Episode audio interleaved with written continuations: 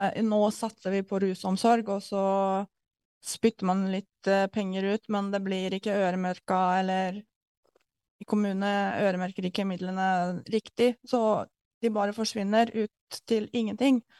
Og de som kommer fra behandling etter uh, at man har vært uh, i rusbehandling, og så skal man ut i kommunen. Og da er det kommunen som skal følge opp. Uh, jeg tror vi sitter på veldig mange mørketall hvor, hvor dårlig er det egentlig. For, for sånn som Malin sa, eller sånn som vi hadde i vår introduksjon, så er det jo 30-40 brukere per ruskonsulent. Det sier seg sjøl. Hvordan skal en person rekke alt dette her på en uke hvis man har ukentlige møter med det, det, går ikke. Det er altfor dårlig oppfølging. Så det Derfor begynte vi med dette her rett etter studentbedriften, og prøve å gjøre noe med det. Men uh, ja, vi, vi, vet ikke helt hvordan vi skal få det til. For det er så store hindringer, og det satser for dårlig på rusomsorg, mener jeg da. Mm. Fortsatt. Mm. Uansett hva, eh, hva politikerne sier, så er det altfor dårlig.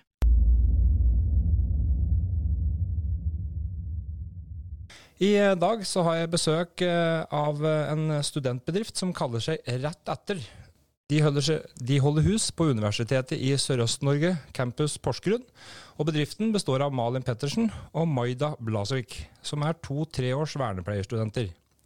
De har som eneste vernepleierlinje i Norge fått muligheten til å velge sosialt entreprenørskap og studentbedrift som et alternativ til vanlig forløp, som er praksis og bachelor i siste studieår. Her skal de tilegne seg kunnskap om hva det vil si å starte og drive som sosialentreprenør. Og siden de begge er engasjert i rusomsorg, så ble det naturlig å tenke i denne retningen når de skulle danne studentbedriften. Begge har tidligere arbeidserfaring fra både rusbehandling og lavterskeltilbud, i tillegg til engasjement av personlige årsaker. I oppstartsfasen så skulle de finne ut hvor det finnes hull eller utbedringspotensial i rusomsorgen. De har bl.a. snakket med folk i feltet, folk med brukererfaring og fagfolk. I tillegg så har de lest mye forskningsartikler, proposisjoner og annen relevant litteratur. Det de kom fram til, var bl.a. at mange som har vært inne til rusbehandling, opplever at de får for dårlig oppfølging og hjelp i tida etter, og at oppfølginga i større grad burde være individuelt tilpassa. I deres egen brukerundersøkelse så svarte så mye som 70% at de hadde opplevd å få for dårlig oppfølging, og 76% svarte òg at det var for dårlig tilrettelagt for dem når de kom ut, i form av boliger, aktiviteter og lignende. Og dette her er noen høyere tall enn eh, større og mer profesjonelle undersøkelser, men tallene der er òg høye. Som regel svarer mellom 40 til 60% at oppfølginga har vært for dårlig. Ruskonsulentene i de kommunene som de har vært i kontakt med, har ansvaret for å følge opp mellom 30 til 40 brukere, og i større byer er tallet som regel mye høyere. Det betyr at de ikke nødvendigvis har kapasitet til den tette oppfølgingen enkelte kan ha behov for. Mye avhenger òg av relasjoner, og om man ikke kommer overens med kommunens ruskonsulenter. Med tanke på rusreformens forslag om å gå fra straff til hjelp, samt avvikling av fritt behandlingsvalg og, og visjonen om kortere behandlingstid, vil rusomsorgen kunne forvente økt belastning i nær framtid. De tror derfor at det er veldig aktuelt å øke kapasiteten og få inn flere aktører på dette feltet. På bakgrunn av dette så har de etablert Rett etter, deres visjon er at de ønsker å redusere tilbakefall til rus etter endt behandling, og jobbe for bedre oppfølging i rusomsorgen. Dette ønsker de å gjøre ved å fokusere på relasjon, bolig, bygging av mestringstillit, veiledning i møte med det offentlige og hjelp til å komme i gang med sosiale aktiviteter eller sjølhjelpsgrupper. Vi er òg opptatt av å forebygge stigma blant eh, folk flest og blant helsepersonell, sier de. Vi tenker at eh, politisk engasjement er en naturlig del av, å, del av, det å jobbe mot en endring i rusomsorgen, og vi ønsker å bruke vår fremtidige rolle som vernepleiere også til dette. Vi er også personlig engasjert i den ruspolitiske debatten som foregår for tida, og ser verdien av å fokusere på skadeforbyggende og god kunnskapsbasert informasjon.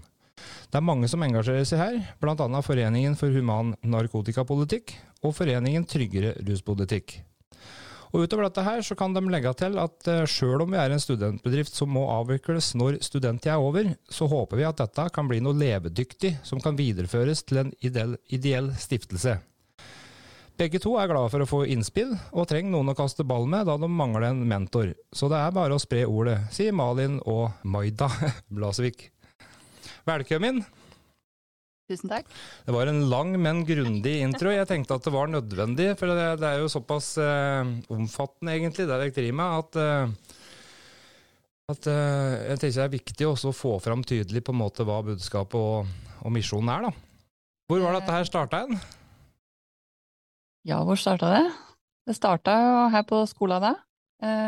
Vi fikk eh, mulighet til å få litt informasjon om studentbedrift, og fant ut at det hadde vi lyst til å prøve oss på. Um, det var vel kanskje egentlig jeg som dro eh, Maida med. Ja. ja. jeg syntes det var litt skummelt, egentlig, når de begynte å snakke om bedrift og så tenkte jeg hva er dette for noe? Det liksom hørtes litt sånn innvikla ut. Skal vi starte en bedrift og drive, og jeg har ikke peiling på økonomi? Det var det som sto oppi huet mitt. Økonomi, det har jeg ikke peiling på.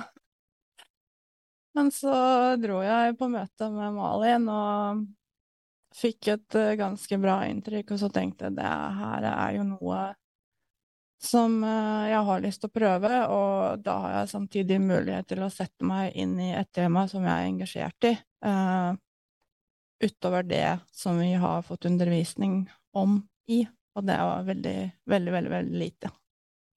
Ja, mm. for det er jo liksom det som, som gjorde at eh, vi ble gira, da, var jo det her eh, å få mulighet til å kunne drive med noe vi faktisk virkelig er interessert i i mange måneder. Vi blir ikke bare plassert på en eh, praksisplass og, og skrive bachelor om kanskje om noe som vi egentlig ikke brenner for, da. Mm. Men ved å velge studentbedrift så kan vi jo virkelig gå i dybden på et tema som vi, som vi har lyst til å gå i dybden på. Og det er jo veldig gøy. Men for å begynne, på en måte, hvor starta det personlige engasjementet før dette? Før dere valgte på en måte yrkeslinje og retning? Eh, det, dere har passert 18 og tredje året på videregående, antageligvis? Ja. Så hva er det på en måte, hva er erfaringa deres fra livet, eller hva var det som på en måte gjorde at dere havna her? Ja, ja jeg kan begynne, jeg.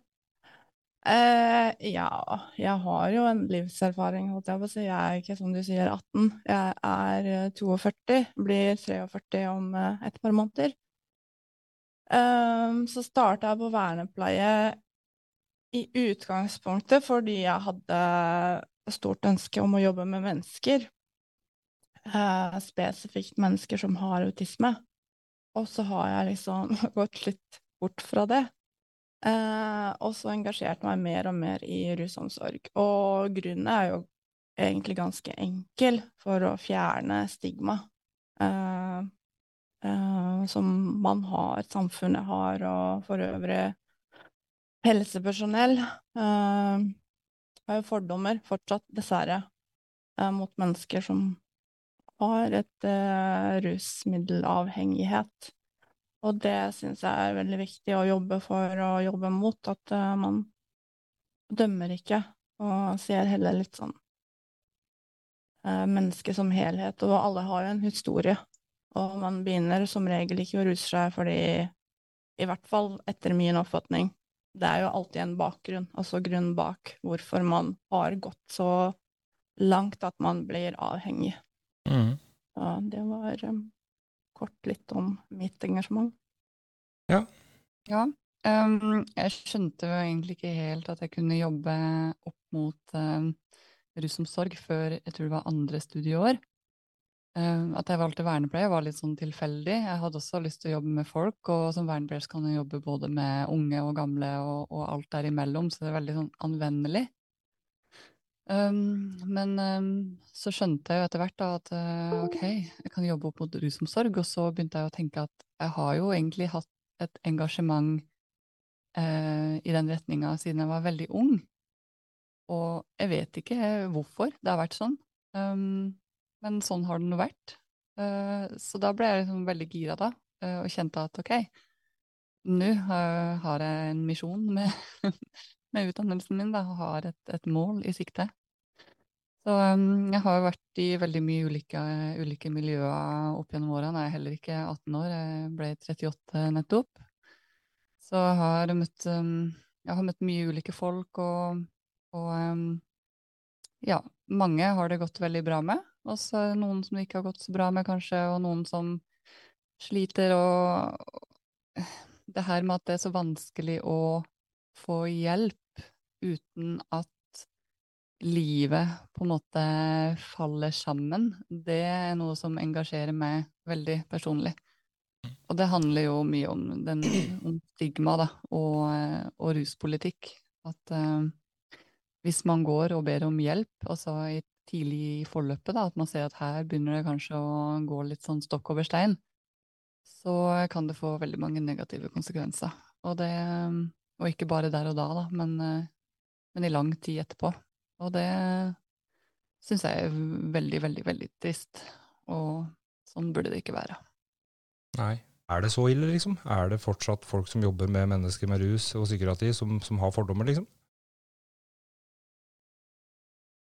Ja, jeg vil nesten tørre å påstå det. At det, det, er, det er ikke Hva skal jeg si veldig, veldig ille. Men det er jo ille uansett. Om du er helsepersonell, så har du jo et ansvar å, å være profesjonell på jobb, og vi skal jo ikke diskriminere eller ha ulikt syn på ulike mennesker. Vi skal jo hjelpe alle uansett. Mm. Men det er mer den der usynlige um, Hva skal jeg si Usynlig stigmatisering som ikke nødvendigvis du eller noen andre som har vært som er i systemet, som hører det direkte, men det er litt sånn mer sånn snakk blant de ansatte, og jeg har hørt hvordan man snakker negativt om personer som sliter med rusmiddelavhengighet, og har i tillegg stort sett psykiske utfordringer ellers. Mm. Um, så det hvordan man omtaler disse personene blant, blant seg sjøl, altså blant ansatte, er jo litt sånn fy-fy. Det liker jeg ikke. Men uh, når det er sånn sagt også, så har jeg bare vært der som en student, så jeg, jeg har på en måte Å, skal du komme hit og fortelle oss hvordan vi skal gjøre jobben vår? Mm. Så jeg har mer litt sånn holdt meg på, på sida. Men når det Jeg har jo skrevet en eh, eksamen akkurat om den, den problemstillinga. Um, så jeg vil gjerne være med på det å fjerne dette her eh, uprofesjonelle snakket, pratet, hvordan man omtaler andre mennesker som du skal yte hjelp til som helsepersonell. Jeg er helt enig, og jeg syns det er veldig modig og riktig òg, eh, Tadek. Eh, at eh, dere er såpass ærlige med det òg. For at hvis det ikke blir prata på, så blir det heller aldri gjort noe med.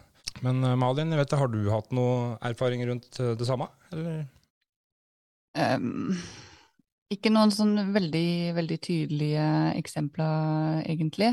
Um, men en ting er jo stigma uh, og fordommer blant de som jobber innenfor rusomsorg. Men uh, problemet er nok større blant helsepersonell som ikke jobber innenfor rusomsorg. Så mm. for eksempel da, mange av de som, som har vært ganske ute og kjøre lenge, da, og som har vært mye inn, inne på legevakt eller ikke sant, hatt mye dårlige erfaringer da, Eh, med møter med helsepersonell som ikke jobber spesifikt opp mot de som, som har uh, rusproblemer. Um, og de har mye dårlige erfaringer. Altså, de forteller de får ikke den hjelpa de skulle hatt, og har sjøl egentlig opplevd et tilfelle på jobb med en som ble veldig dårlig, og, um, og som ikke ble tatt med av ambulanse, uh, der de andre ansatte som var på jobb, da, mente på at det hadde aldri skjedd hvis det hadde vært en som ikke hadde rusproblemer. Han hadde, han hadde blitt tatt inn med en gang. Mm. Så um, det er mange sånne typer erfaringer da, som de gjør seg, og uh, det er jo ikke akkurat uh, tillitsbygging. Så til slutt, da, de som har holdt på lenge, de, de ender jo opp med veldig lite tillit til alt av helsepersonell og gjerne kommunalt ansatte sånn generelt. Og det er synd, da, for de som er der med en misjon om å faktisk eh, hjelpe. For det blir vanskelig å, å gjøre en god jobb. Mm. Men jeg ser jo på i forhold til hva dere leverte til Mate av brukerundersøkelser og sånne ting. Uh, og, og, det med at dere tar med deres, deres erfaringer fra jobben òg, da og sammenligne det, så har dere fått et forholdsvis uh, en formening, vil jeg tro. da. Uh, om en ikke profesjonell eller memorisert, så har dere vel en uh, formening om altså, hvor er det dere ser at det er tynnest? da? Hva er det som, som dere føler det må mest endring inn for at det skal ha en funksjon for å kunne hjelpe flest mulig? Ja, det må klart komme fra høyre hold. Mm. Utfordringa er jo selvfølgelig midler økonomi, og hvorfor skal man ikke satse på rusomsorg? Sånn som de egentlig høye herrer har en formening om hvordan det skal være, blant annet fra, fra straff til hjelp. Hvem er det som skal hjelpe disse menneskene, og hvor er det man søker hjelp? Mm. Eh, så ja, men det er jo mine egne meninger, da, selvfølgelig. Uh, jeg skal ikke si heller noe sånn at jeg er noe tungvekter på at jeg kan mye om dette her, men man har jo dannet seg et bilde. Og hvis man skal bare si noe Nå satser vi på rusomsorg, og så spytter man litt uh, penger ut, men det blir ikke øremerka, eller kommunene øremerker ikke midlene riktig, så de bare forsvinner ut til ingenting. Og de som kommer fra behandling etter uh, at man har vært uh, i rusbehandling, og så skal man ut i kommunen. Og da er det kommunen som skal følge opp. Uh, jeg tror vi sitter på veldig mange mørketall hvor, hvor dårlig er det egentlig. For, for sånn som Malin sa, eller sånn som vi hadde i vår introduksjon, så er det jo 30-40 brukere per ruskonsulent det sier seg sjøl. Hvordan skal en person rekke alt dette her på en uke hvis man har ukentlige møter med det, det går ikke. Det er altfor dårlig oppfølging. Uh, så det Derfor begynte vi med dette her uh, rett etter studentbedriften, og prøve å gjøre noe med det. Men uh, ja, vi, vi, vet ikke helt hvordan vi skal få det til. For det er så store hindringer, og det satser for dårlig på rusomsorg, eh, mener jeg da. Fortsatt. Mm. Uansett hva, eh, hva politikerne sier, så er det altfor dårlig. Ja, det... det spiller ingen rolle hva slags reformer de kommer med, hvis det ikke blir satt ut i eh, praksis og bedre hjelp, rett og slett. Bedre oppfølging, så hjelper det ikke. Det hjelper papir, hjelper ingenting. Mm. Det som er veldig rart òg, er hvor mye penger som satses på rusbehandling, uten at det følges opp mm, med, med, oppfølging, altså i tida etter. Eh, her er det også veldig stor variasjon fra kommune til kommune. Altså Noen kommuner satser veldig på, på rusomsorg og oppfølging, Um, og da blir det jo gjerne sånn at uh, altså man kan jo velge å flytte på seg etter man har vært i rusbehandling og, og, bosette seg i en ny kommune. og da, Sånn som vi har hørt, da, så er det ikke uvanlig at man velger å flytte til en kommune som man hører gjør det bra. Altså de har gode tilbud. Men det som skjer da, er at da blir det jo plutselig veldig mange i den kommunen som skal ha oppfølging, og så blir det igjen kanskje vanskelig da, å følge alle godt nok opp. Norge består jo av veldig mange små kommuner. Og, og, det også er nok en grunn til at mange føler at de får dårlig oppfølging, fordi de små kommunene har ikke ressurser. De har kanskje én person da, som fungerer som psykisk helse- og avhengighetsteam. Og ja, som vi også sa i introen, det handler mye om relasjon. Har man dårlig relasjon med den ene personen, så har man kanskje ikke noe tilbud, da og så er det ikke noe annet fordi man bor på et lite sted. Veldig mange som sliter med avhengighet, er jo også eh, helt vanlige folk, ikke sant. Man tenker jo gjerne på de som er rusavhengige som de som på en måte har tatt det helt ut og, og er skikkelig på kjøret. Men de aller fleste har jo vanlig liv med kanskje familie og, og, og en jobb, helt til det ikke går mer. Så for dem er det jo ikke aktuelt å flytte til et annet sted. Altså de, de vil jo gjerne bo der de bor. Og da mm. må de tilbake der de kom fra. Jeg har vært i kontakt med en som heter um, Hågen Haugrønningen. Jeg vet ikke om dere har hørt om han? Ja, han har sendt oss melding i dag, forresten. Ja, jeg sendte noe informasjon at den, skjønner du, ja. inne på Instagram om dere, så det var litt hyggelig at den hadde gjort. For, for han er en, en bauta da, i, i, begge ender for endringspolitikken. Og han er en person jeg, jeg kjenner han litt godt, men det lille jeg har prata med han, da, så er han en, en, person som vet hvor på en måte du skal begynne og slutte en og sånne ting. så så eh, jeg hadde vel den i bakhuet. Jeg søkte etter mentor til på bedriften deres. Jeg hadde jo han litt i bakhuet, men jeg, han er en forferdelig travel mann, så jeg tør nesten ikke å love han bort uten at han får prate med deg sjøl. Men han har noen tall, noen tall da, i hvert fall vet jeg, på de forskjellige tinga. Hva det koster å la sånne som oss da, fortsette å ruse oss og ikke få oppfølging, i forhold til å satse på de penga det koster å ha oss igjennom et ordentlig forløp. Så eh, ifølge det, nå husker jeg ikke det i huet i hjel, men ifølge regnestykket hans så så det en god del penere ut i, i millioner, eh, faktisk. Så, så, jeg tenker at det, det er en person eh, som er, eh, kan være en ressurs for dere for det videre arbeidet framover. Som dere heldigvis dere får kontakt med. Og det er som, det er som jeg sa innledningsvis òg, at jeg er her og jeg er interessert i å gjøre jobben og være med i alle ledda og forklare hvor det ikke funka for meg. Eh, og, men på, på, en annen måte, så hvem er det som skal betale for at dere skal reise rundt og gjøre den jobben? Hvem er det som skal betale dere for å innhente den kompetansen og de tinga dekk trenger for at dere skal fungere optimalt? Det må helt opp på politisk plan. Noen må skjønne at her må det faktisk en varig endring til. Ikke bare en av de der løsningene som de har hatt uh, med at ja, det partiet her det vil innvilge 20 millioner vi, til Sjølhjelp Norge i året. Og så det, blir det valgt, eh, valgt eh, si, ny ledelse i Norge, som nå tok bort all støtten til Selvhjelp Norge. Mm. Som vedtok at Selvhjelp Norge ikke skal ha de penga for å hjelpe andre. Altså, hva er det der forteller eh, sånne som, som, som, har lyst til å jobbe med det, liksom? At vi, vi, har, at vi er ingen verdig, da. Hva er det sånn som vi oss gjør da? Jo, da må vi finne oss noe annet å gjøre. Og så går kompetansen vår eh, rett vest. Det gjør at uh, historia mi annet, blir bare røverhistorie og god bok og god lesning og god underholdning. Mens det egentlig, sammen med dekk og sammen med Bli sett-konferansen og Hågen og hele gjengen, hvis, hvis, de hadde betalt oss for å sette oss ned og koke sammen sammen med de organisasjonene som har de terapeutiske og faglige tyngdene som trengs for å blande alt dette sammen i en fungerende, en fungerende si, suppe. da. For det kan på en måte umulig bli dyrere uansett.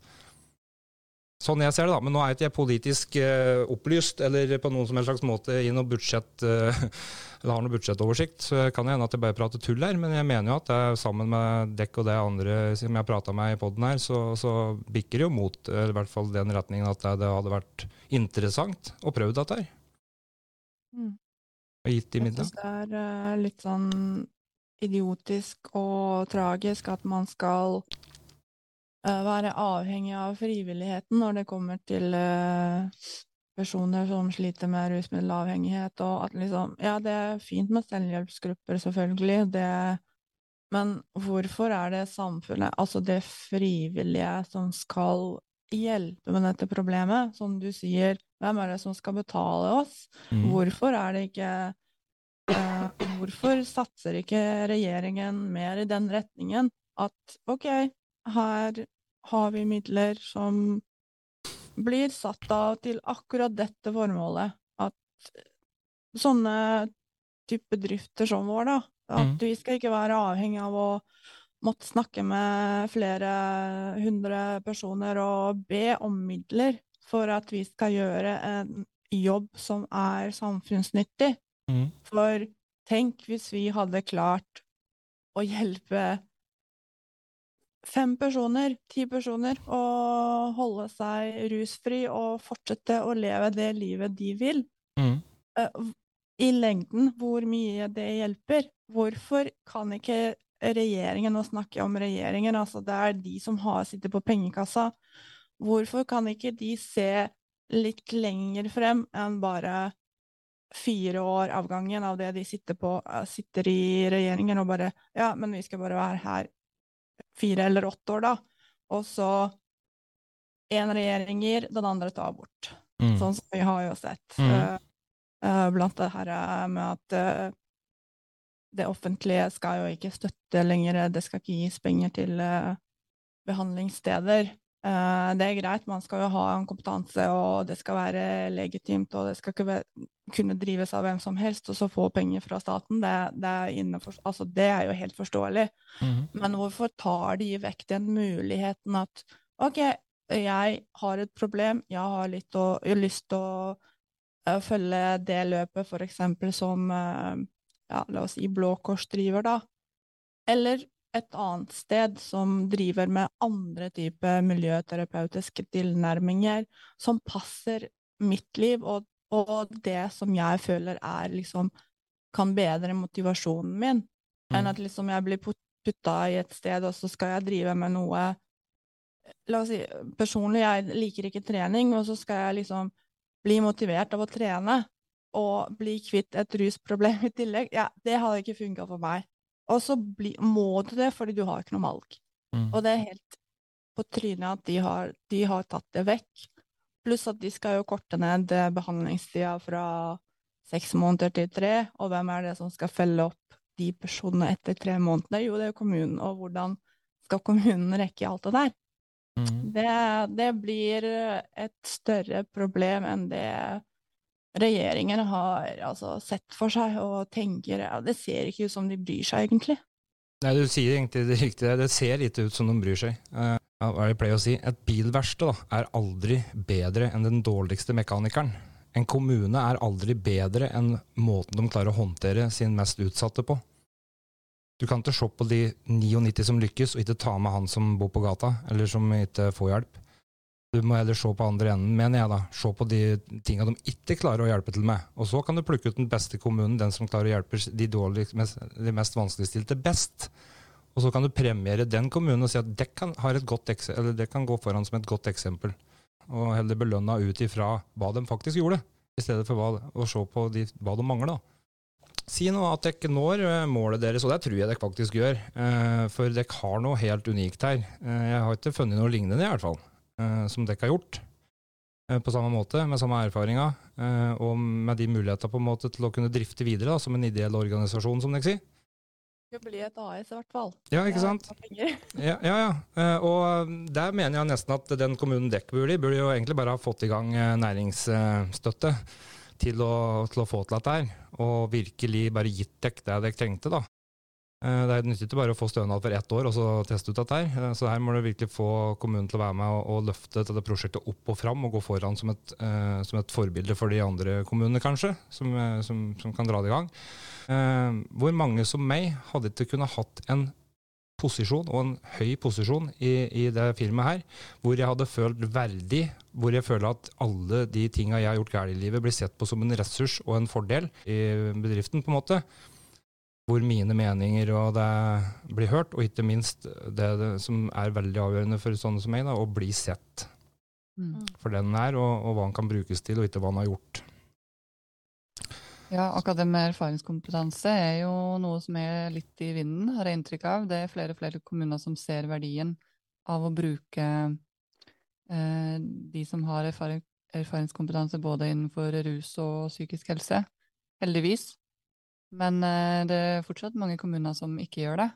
Så eh, det er stort vekstpotensial.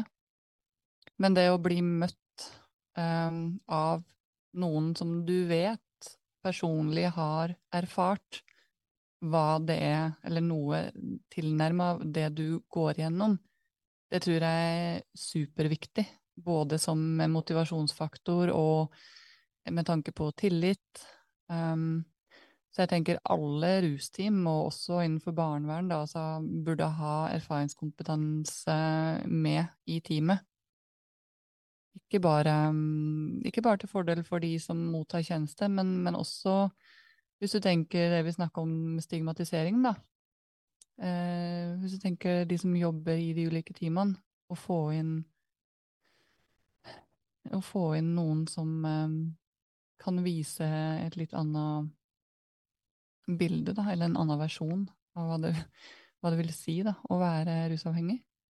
Mm. At vi får et, uh, litt annen, en annen forståelse da, for det. Så det hadde vært veldig bra.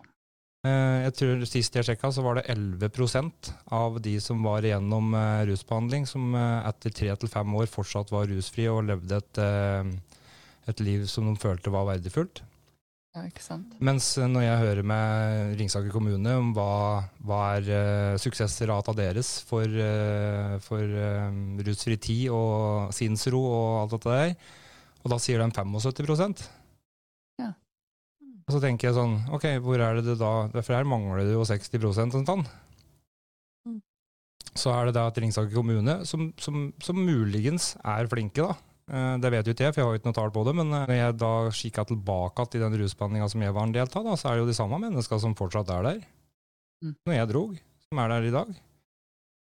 Så, så, så det, det, det, må, altså det er noe som jeg ikke Men det er mulig jeg er min uvitende, altså at jeg ikke har nok informasjon, men det er jo en eller annen som ikke stemmer her, liksom. Jeg ser jo liksom på en måte folk som har vært inne i systemet der, som fortsatt er ute i gata og ruser seg. Som, så det er jo noe som ikke fungerer. Så jeg sier til det at eh, at en skal bytte ut da, det de allerede har. Men jeg sier at det, det, må jo være økonomi og muligheter til å tilføre det som mangler. Ja, jeg tror også eh, noe av grunnen til at det er så vanskelig, handler jo mye om det samfunnet vi bor i. Jeg jo, personlig mener jo litt at vi bor i et sykt samfunn. Eh, og det er ikke så rart at vi blir syke. Um, ja, vi er på en måte vi har gått så langt bort fra det som er naturlig for oss. Eh, og det viser seg jo gjennom mye psykisk sykdom. Så eh, ja, i, i, bedriftsideen vår da, så har vi jo veldig vi har jo, vi har jo fokus på det her med at det skal være individuelt. Altså hva man trenger, det varierer jo veldig fra person til person. Og det ser vi også i brukerundersøkelsen vår, da, når når de svarer på hva, hva er viktig eh, i tida etter rusbehandling for at du skal holde deg rusfri, så er det så mange ulike svar. Og det viser jo at Si hvis du har en kommune da, med, med kanskje tre ulike tilbud, og så passer du ikke inn i noen av de tilbudene. Altså da, da er det ingenting, da, for det. Mm. Um, da er det men, Nav. Ja. men, men, det her med, med å vekke en sånn bevissthet rundt hvordan man kan tilpasse og gi individuell eh, eh, oppfølging. Eh, hjelpe folk inn i sosiale fellesskap og aktiviteter som de faktisk eh, sjøl ønsker å være en del av. Og det fins jo allerede folk som har jobba med å utvikle metoder og verktøy og, og i det hele tatt. Altså, ting fins der ute, men det må tas i bruk, da. Og det må betales for. Og det må betales for. Nei, det er, det er en av de der tinga i livet da, som jeg på en måte aldri slutter å fundere over, for det havner støtt på midler. Det mangler ikke på folk og innsats og vilje. Det er alltid midler, og da er det sånn hvor skal vi få de midlene for, og da er det ingen som vet. Men har dere barn, hvis jeg kan spørre om det? Ja, jeg har to små. Jeg har uh, en voksen. En voksen. Han uh, blir 22 til sommeren. Ja.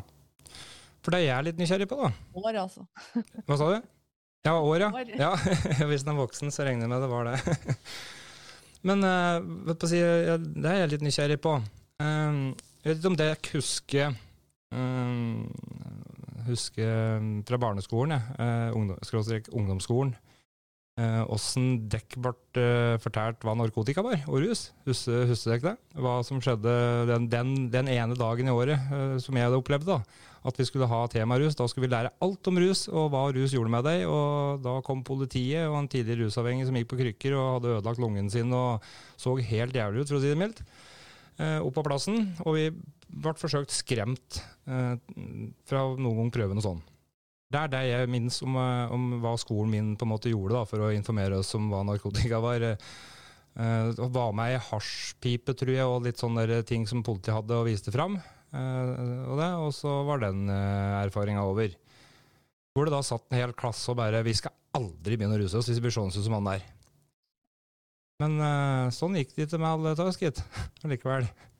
Nei, vi er jo som mennesker nysgjerrige av natur, tenker jeg. Og det å, å, ruse seg er jo noe som vi har holdt på med i, i alle tider, egentlig. Um, jeg kan faktisk ikke huske uh, at vi hadde noe sånt. Vi hadde det sikkert, men, uh, men det er veldig mye jeg ikke husker fra da jeg var yngre. Men det er jo standard pakka har jo vært skremselspropaganda. Og nå er det jo litt sånn nye tider, da. Du har jo rusinfo.no, som er veldig på um, og informere altså faktabasert. Det, skal, det, er et sted man kan gå inn og finne fakta om de ulike rusmidlene. Hva bør man passe på? Hva er faresignaler? Hva, hva er de positive tingene, fordi alle rusmidler det er jo noe positivt med det, ellers har jo ikke folk i dag å ruse seg, ikke sant? Ja, det er òg veldig viktig å få sagt, da, for det, det er det ikke alle som skjønner. Det er kanskje mye der eh, at det er en litt sånn stor eh, kløft da, mellom eh, det å, å faktisk vite og tro, av at mm. vi er en generasjon som har foreldre da, som på en måte kanskje òg var både uvitende, i tillegg til at de fikk oss, som da ble litt opplyste og skremt. Og så er det en ny generasjon nå, hvor du da kan ta opp telefonen din som 13-åring og bestille rett hjem i postkassa uten å egentlig vite noe annet enn det du har hørt av kameraten din som sa at dette var kjempekult. Ja. Nei, jeg tenker det, den, Vi er i en, i en periode nå der det er superviktig å komme med faktabasert informasjon. Mm. Fordi kommer man med noe annet, så også ungdommen i dag de avslører det. De vet ja, ja. så mye mm. om uh, rusmidlene som finnes der ute. Så um, ja, vi må bort fra det her skremselsgreia som har vært standardpakka tidligere, i hvert fall. Jeg vet ikke hvordan det er i dag, om det er fortsatt sånn de holder på. Og så lenge vite, nei, altså Jeg har i hvert fall ikke fått noen informasjon om at det er så veldig mye annerledes. Da, for at når jeg hadde et foredrag for sykepleierstudenter, eh, ansatte på et par institusjoner og menn i helse på Gjøvik for et par måneder siden, så spurte jeg dem eh, hvor mange timer i uka er det dere har til tema rus, psykiatri og sånne ting. Nei, det er i dag, det er når du er her. Du er, du er det vi har. Mm. Bortsett fra, fra teorien rundt, da, som på en måte bygde opp dagen før, eller uka før, var det vel. Altså, Er det alt dere skal ha om rus og psykiatri? Og så skal dere bli sykepleier eller psykiatriske sykepleier? Er det liksom det som er greia? Ja, det var det. Mm. Og da ble det litt sånn derre Ok, da er det litt rart at ting ikke fungerer. Uh, og, um, og, hele gjengen der, det var 30 stykker av dem, og hele gjengen der kom bort meg etterpå og sa at vet du hva, du burde ha vært et obligatorisk, obligatorisk i, i, utdannelsen. Altså, for der var det jo da de som jobber i rusinstitusjon som ikke hadde utdannelse, som hadde gått tilbake til voksenopplæringa for å få den, den uh, papirlappen da, som, som, gjør at de kan være registrert eller Jeg kjenner ikke til det, men men de gikk jo der for en grunn, vil jeg tro. Uh, for å få noe um, fagkompetanse eller noen papirer på ting og tang. Um, og de sa at, vi har lært mer vi, på den 1 12 timen du sto her, sa han, enn det jeg har uh, lært hele året på voksenopplæringa. Sånn. Uh, du, altså, du, tok med meg inn og kjente på følelser og viste hva liksom, ting var. Uh, og jeg kommer aldri til å se på de brukere som jeg jobber med, på samme måten etter dette her. Så han takka meg liksom og, og, dette her, og lærere til meg på den voksenopplæringa sa det samme. at vet hva, vi, vi, Neste år så søker vi om midler for at du skal tilbake igjen. Vi vil ha det tilbake igjen. Dette her var så givende. Og når jeg tenkte at mitt første foredrag, som var et testforedrag Jeg sto der med en bunke av fire ark, for jeg hadde ikke engang pugga det utenat, så jeg sto og leste fra et manus jeg hadde om reisa mi. Og så tenkte jeg at hvis det er det beste de har hatt, da er det forbedringspotensial i alle det der. ja, ja. Eh, så, så, da tenkte jeg, hvordan kan jeg da på en måte bruke den erfaringa her da, til å legge opp et løp som er, eh, som er eh, si, mer verdifullt fra barneskolen allerede? For uh, nå begynner de å bli såpass unge at det er faktisk på barneskolen vi må begynne å informere om det. Mm. Og, og, da er det litt sånn um, Og da er det ikke elever som, uh, som, må prate satt, det er jo da foreldra som er foresatt og ansvarlig. Så de må òg tas med inn i dette der. Mener jeg, da. Dette er min mening og min tanke om det. Jeg sier at dette her er at det skal være sånn, men min tanke var at hvis jeg, jeg hadde hatt en guttunge, da, eller datter, som hadde gått på barneskolen, og jeg hadde blitt invitert inn som forelder det siste året med at jeg måtte møte opp en gang i måneden, én time, til eh, rusinformasjonsdeling rus, uh, et eller annet. Og da uten ungene mine. Da måtte jeg møtt uh, sammen med en erfaringskonsulent, sånn som meg eller dere, eller, og fag hånd i hånd. Hvor det da informeres om de forskjellige tinga, sånn at de vet faktisk hva dette går på. Og hvis da, hvis da de barna da har hatt rus, ruslæring, da, det året, så vil ikke dette være helt fjernt øh, og nysgjerrig. Altså, da vet de faktisk hva de forskjellige tingene er. Uh, og når du da går over på en ny skole, nytt miljø, mange flytter jo att. Du kommer i klasser med andre folk fra andre byer, med andre erfaringer, som kanskje er verre, da, eller mer gangstere, eller som dette her er mer naturlig for, så åpner det opp for en, eh, for en uh, aksept, da.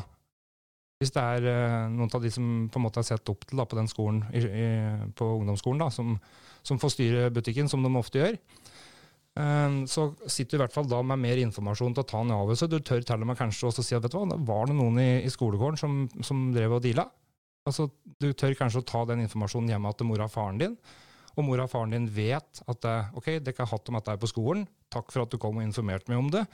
Eh, jeg syns at vi skal gjøre sånn og sånn, og så tatt med uh, unga da, på, på, reisa og tatt kontakt med, med de som faktisk da jobber i skolen. Da, for da, vi måtte jo ha vært med videre på ungdomsskolen Eh, ikke nødvendigvis med foreldre, men da kan det hende at det er en frivillighet blant de foreldra som gjør at de vil være med oss videre på ungdomsskolen, som ser at det er et behov, på lik linje som, som dekk skapa et eh, behov da, med bedriften deres eh, for sånne som meg. Og hvis vi hadde vinkla det dit hen, så tror jeg at det forebyggende arbeidet ville ha gjort mye mer for sånne som meg, da. Allerede før Altså, vi hadde tatt bort en del av problemet før det hadde kommet. Men det er min tanke om det. Det er en sånn, er en sånn drøm jeg har da, om at eh, hvis noen kunne, som har peiling, kunne satt seg ned og så vurdert at det er seriøst, og sett om det regnestykket hadde gått opp, liksom. Jeg kan svare litt på det. Ja, takk. Det var så gøy at du fortalte det du sa i stad. For vi har jo hatt eh, I fjor så hadde vi noen kommuner som kom med forskjellige problemstillinger i forhold til hva slags utfordringer de hadde i kommunen. Og så var det Tyrili stiftelse eh, som kom med et problemstilling. Nå husker jeg ikke helt nøyaktig hva det var, men det var uh, i forhold til det du snakka om akkurat i stad. Hvordan forebygge, eller hvordan komme inn så tidlig som mulig, at de skal søke hjelp så tidlig som mulig. Mm. Altså blant annet minstøttegruppe. Vi, hadde, vi tok det problemet, og så lagde noenlunde et lite sånt eh, Eh, prosjekt da, som du snakka virka så kjent når du fortalte om det. Så bare Det har jeg hørt om før. For det var jo akkurat det om å gå inn i skolene.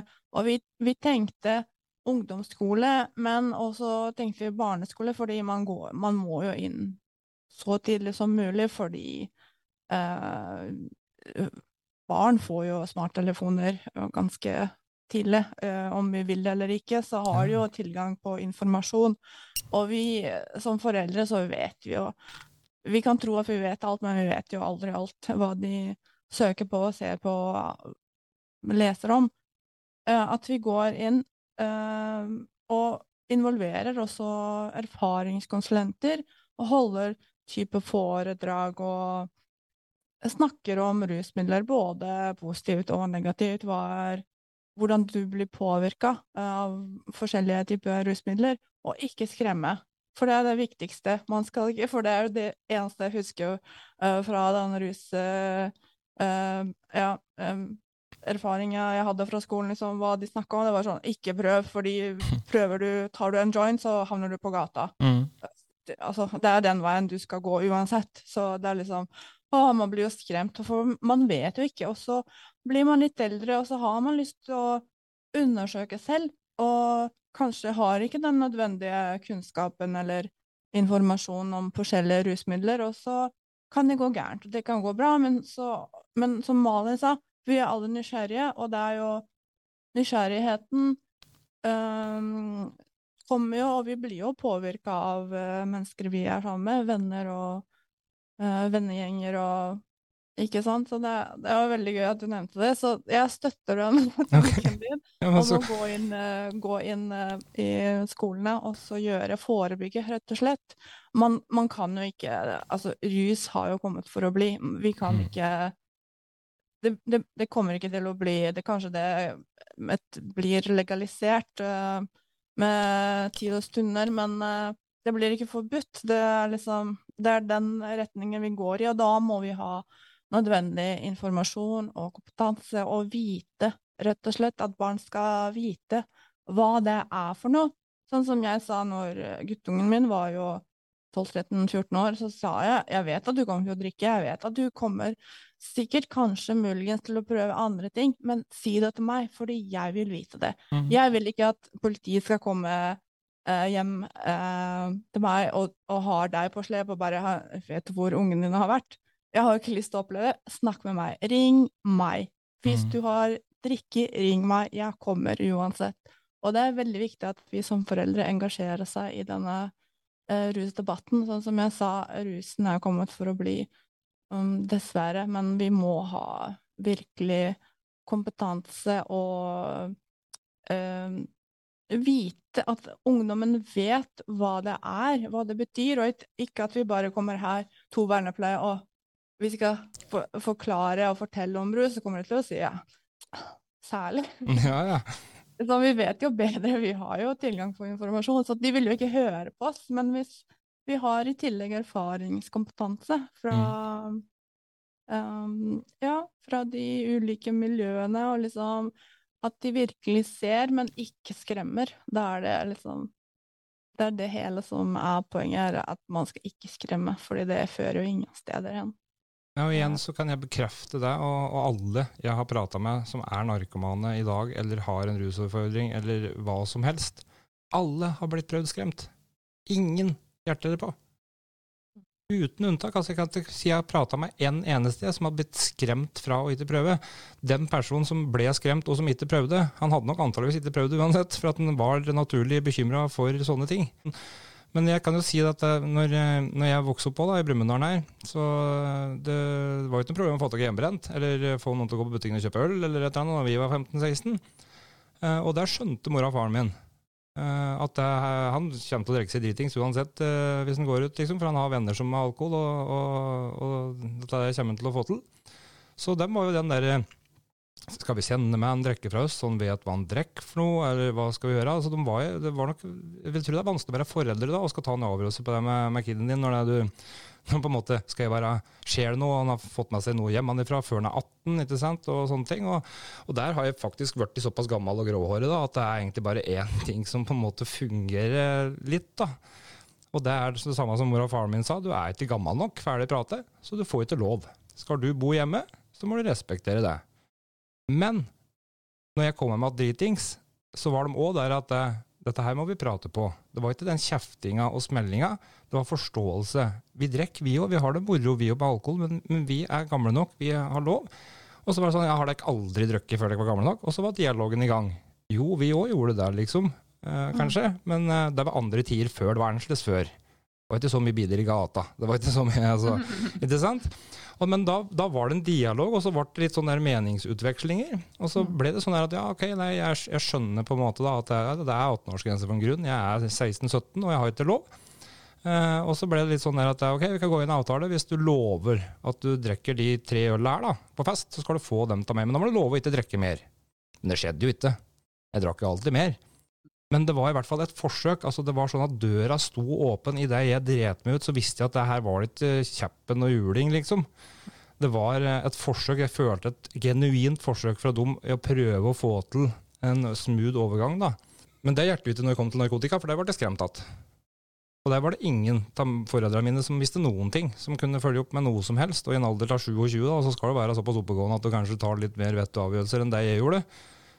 Altså at Hvis det hadde vært en slags prosess hvor jeg hadde skjønt hele pakkeforløpet, da, så kan det hende at jeg hadde forstått mutter'n og fatter'n når de har sagt at vet du hva, med det du har lært på skolen her, og hva du har blitt informert om, som de da vet for at de har vært siste året på barneskolen sammen med erfaringskonsulenter og blitt lært om hva forbud har gjort, og hva skremselspropaganda har gjort, og alt dette her, fra mennesker som det har blitt brukt mot, så tror jeg at, den, at det finnes en løsning her som er bedre enn den som er i dag, da.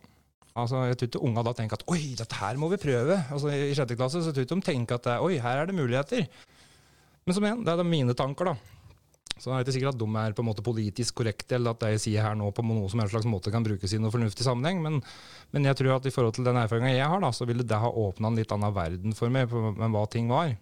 Om jeg hadde tatt en annen avgjørelse da jeg bestemte meg for jeg vet ikke, men, men jeg, jeg ble jo vist fra mor og faren min med at de hadde pokerlag, de hadde sparemøte, ikke sant? de hadde de tinga der som var øh, øh, vanlig da. Og det var jo å sitte om de to, det var aldri bråk hos mor og faren min. De satt jo og drakk og spilte kort og musikk hadde det moro, mens vi unga gikk og la oss og sov om natta. Og så våkna vi dagen etterpå, og da var jo mor og faren min oppe og lagde frokost. og, og Vi merket jo ikke noe negativt med å drikke, sånn at jeg ble jo vist at alkohol kunne være en positiv ting.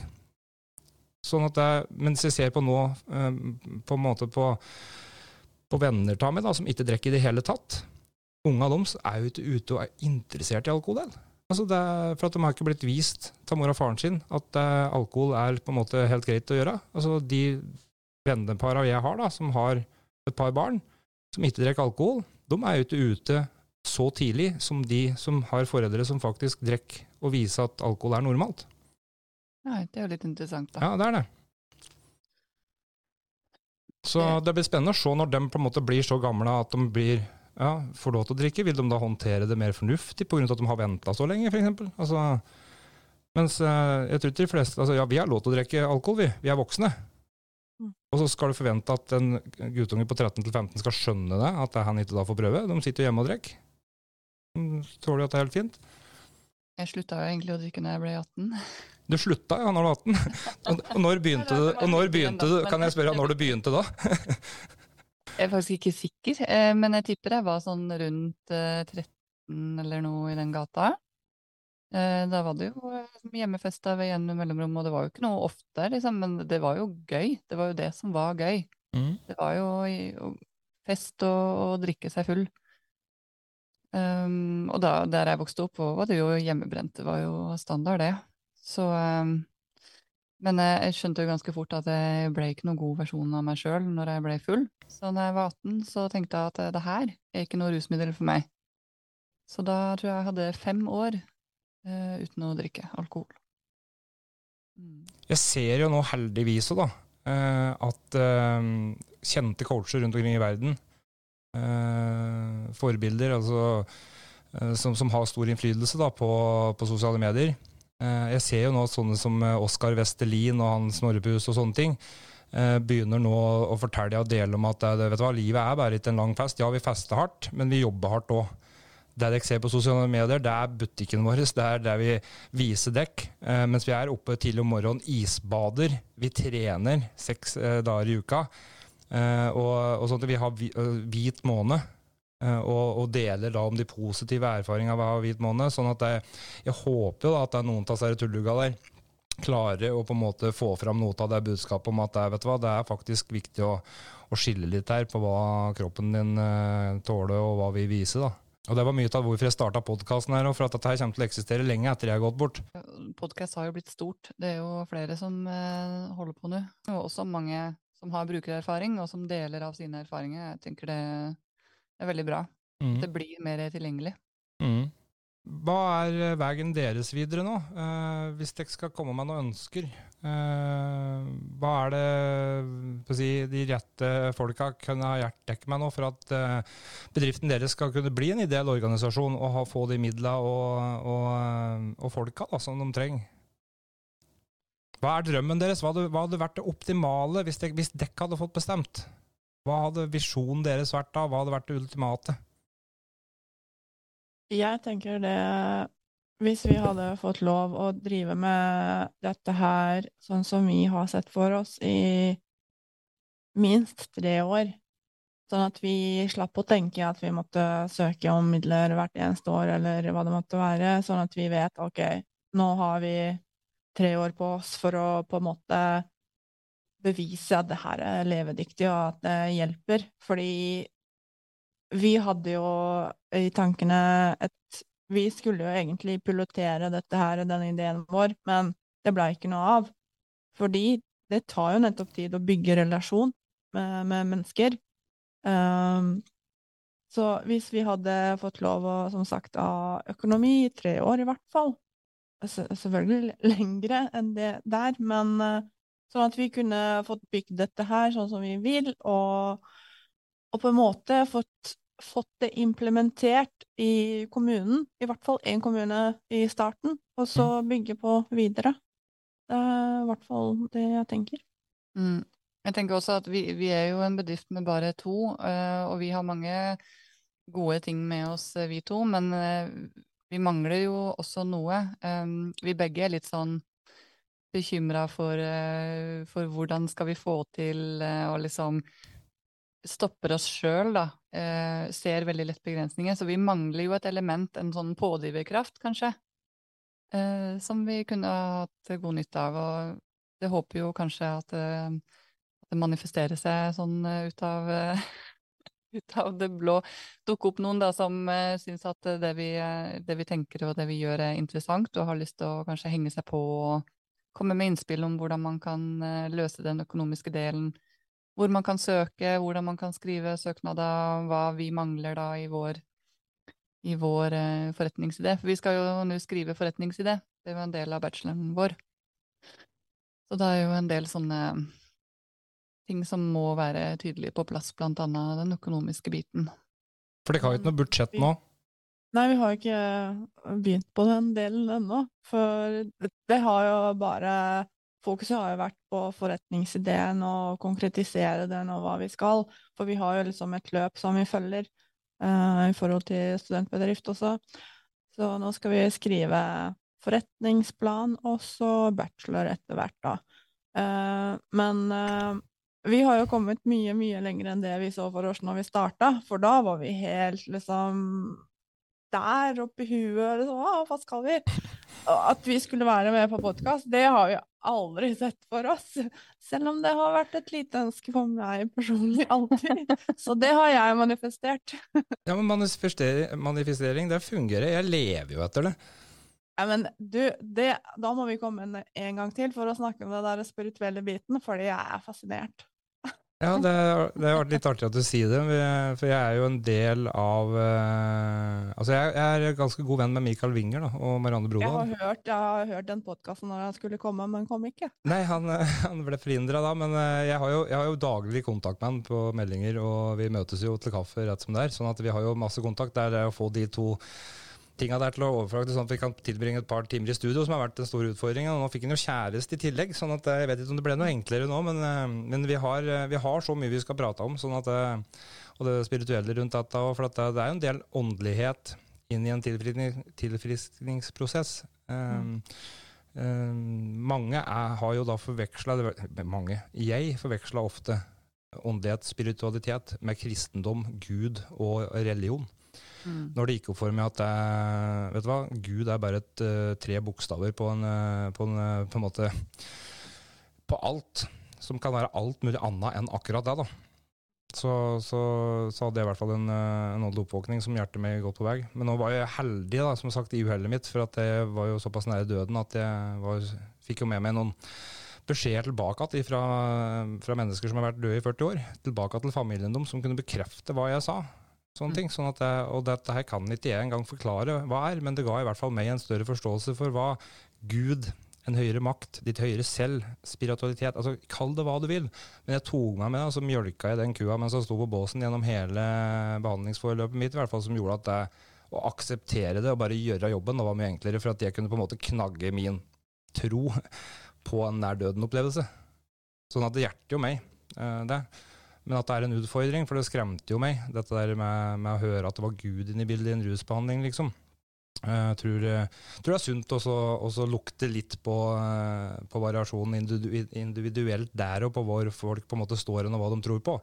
For det, er jo ikke på langt nær sånn som, som vi i rusmiljøet hørte om når vi kom dit.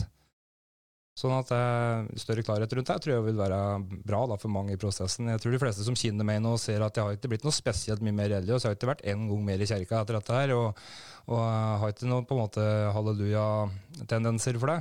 Men jeg har en tro. Det har jeg. Så. Jeg har hørt på denne podkasten med deg og Marianne Rodal som, eh, om det derre, hva heter det, selv Nei, ikke selvhjelp, men uh, Selvutvikling i praksis på den. Ja. ja. Og det er bare Å, herregud, det jeg skulle vært med. ja, men det kan du være. For det er så gøy å snakke om det, for jeg er veldig sånn åndelig, spirituell, ikke religiøs, da. Mm. Men uh, det er et klart skille. Men det er en annen tema. Men jeg kan i hvert fall invitere, da, for at nå er jeg én av tre der, sånn at jeg har 33,33% på hva jeg skulle sagt. Og jeg pleier å få viljen min for det. sånn at eh, hvis du har lyst til å være med i den, så kan du ta deg en tur til Brumunddal og sette deg ned med oss her. og så så tar vi, den, tar vi den praten. Det får vi til. ja, eh, men tilbake litt til dekk, da. Nå spora vi litt av her, men eh, jeg syns det er interessant allikevel, da. Eh, jeg føler at det er viktig å ha med at vi kan, kan spore ut av litt. For at igjen så, så gjør det at det, åpner faktisk for interesse til andre som sitter og hører på, som ikke bare hører rus-rus, men at det, Så vi bygger nettverk med å prate på sånne ting. Og, men nå kom dere så langt som at tre år minimum, det er det som på en måte er et minimum for at dere skal kunne sjekke om at dette har en, har en bærende grunnmur, på en måte. Dere skal utlage et budsjett. Hvem er det som trengs for at dere skal på en måte lande der? Nå har jeg vært en del av Gründerparken i Brumunddal. Har dere hatt noe kontakt med noen sånn gründerpark i kommunen der dere er, eller har dere det? Nei. Vi har Altså, vi er på en måte en del av um, Ungt Entreprenørskap. Men uh, vi har ikke hatt så veldig mye med dem å gjøre, egentlig. Um, Men dere har en gründerpark der? Det her er veldig ja. nytt, for å, for å, si det sånn. Det her er studentbedriftene innenfor sosial entreprenørskap uh, på USA. Det er veldig nytt, så det er veldig um, Lærerne våre driver også og samler informasjon for neste, neste kullet, for hva de, hva de, trenger. Så det er sånn Vi har jo på en måte vært prøvekaniner oppi det hele. Har ikke hatt så veldig mye undervisning om spesifikke ting, sånn som vi skulle ønske at vi hadde hatt. Eh, hvordan sette opp et budsjett, hva som er viktig og hva som ikke er viktig. Men, men vet dere om altså, Det er mulig at jeg spør dumt nå her, for at jeg ikke forstår noe her, men, eh, men eh, i Brumunddal så har vi da en kommunal plass hvor det samles pendler, student, pendlere, studenter, eh, gründerbedrifter, sånne som meg, da, som hadde en forretningsidé, en podkast. Eh, jeg har utvikla en app eh, som heter Digitale rusekort. Kunne jo ingenting, har ingen utdannelse, har rota bort uh, mesteparten av livet mitt, visste ikke hvor jeg skulle snu med igjen. Og så var det noen som sa du må jo ned i Gründerparken i Brumunddal, der næringa i Ringsaker på en måte er på plass, da, sammen med Klosser, Innovasjon Norge osv. Så, videre. uh, så jeg vet ikke om der finnes en sånn plass uh, der dere holder til? Hva som på en måte blir nærmeste for dere? Det gjør jo det. Det gjør det. Det er noe som heter Provencia, som er her i Porsgrunn, som driver en sånn gründerpark. Men de skal jo ha et kurs nå på torsdag eh, for nystarta bedrifter. Men det er litt mer sånn OK, da skal du komme med forretningsidé og budsjett, sånn at vi kan hjelpe deg videre. Og vi bare Ja, det er, jeg tror ikke vi er helt der. Fordi som sagt, vi er fortsatt studenter, så vi, mm. det er vår det er en sånn trygghet i det. OK, det er ikke så alvorlig, men vi vil jo at dette her skal gå eh, Fortsette videre etter et år. Ja, det er der jeg tenker da at, at, at den gründerparken, eller den nærmeste gründerparken for dekk, da, på en måte, som dekk kan gå innunder. For der eh, i gründerparken her i Brumunddal, så betaler jeg 1500 kroner i måneden for eh, et kontorlandskap med PC-skjermer og muligheter for å booke lokka rom til møter, skjermer på veggene oppdelte båser. Eh, vi har eh, frukt eh, en gang i uka som kommer dit. Vi har kaffemaskin. Det er lunsjtilstelninger. Vi har møte, husmøter hvor alle som er der, samles og, og, og prates om hvordan ting kan utbedres, og vi feirer suksesser og, og, sånne ting. Sånn at du blir en del av et sånt gründermiljø, da, hvor jeg da fikk økonomisk støtte fra kommunen. Ikke til å starte sjøl bedriften, men for å utvikle ideen videre da, fra oppstart. Hvor det da var um, etablererkurs, blant annet. Det kan jeg egentlig bare skrive ned. Eh, etablererkurs, for det er det første dere burde melde dere på. Uh, hvor dere da får uh, muligheten til å søke økonomisk støtte av kommunen, da, oppstartsstøtte, for å, for å drifte videre. Kjøpe inn utstyret, data at vi trengte, osv. Pluss eh, at du får da gratis tilgang på alle de kursa og webinarer og ting dere trenger da, eh, for å finne den informasjonen dere nå søker etter. Så, så jeg tror jeg ville ha involvert uh, Gründerparken. Søkte i hvert fall opp og spør dem. For uh, nå er det jo på en måte da litt imellom skole og, overgang til bedrift, sånn at det kan være lurt å starte den prosessen ja, nå husker jeg ikke hva det heter, men næringa da, i den kommunen. Hvis ikke så får de komme opp til Brumunddal her, og så vi, får vi prøve å få fletta det inn på noe vis her. Flytte til Brumunddal. Jeg tror mye kanskje blir lettere når vi har uh, skrevet ferdig den forretningsplanen. Altså, da har vi mye mer uh, på papiret uh, av sånn informasjon som gjerne blir etterspurt. Mm. Så Nei, Jeg har trua på dere i hvert fall, og jeg, jeg, jeg håper at dere virkelig fortsetter å, å prøve å og være så snill å holde meg informert om hva dere driver med, og om hva jeg kan bidra med. Og For jeg så jo nå i dag, eller i går var det vel, at uh, Madja hadde lagt ut på sin private profil at det var mulig å få støtta prosjektet deres med 400 kroner i to andeler, eller hva det var. Kan du fortelle litt om det? Uh, det er eh, Man kan kjøpe andeler i bedriften vår. Mm. Og man kan eie maks to andeler, så én andel koster 200 kroner. Det står for så vidt på Facebook-siden vår også, ikke mm. bare på min private profil.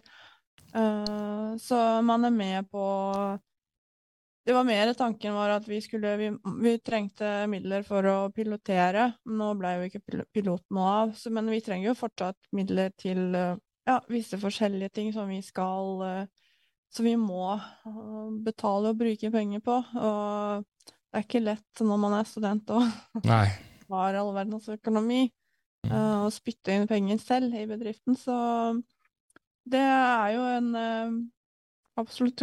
Det går til en god sak, så at vi mm. kan få drifte videre, og man, man blir med på et ja, på et prosjekt som hjelper samfunnet. Mm.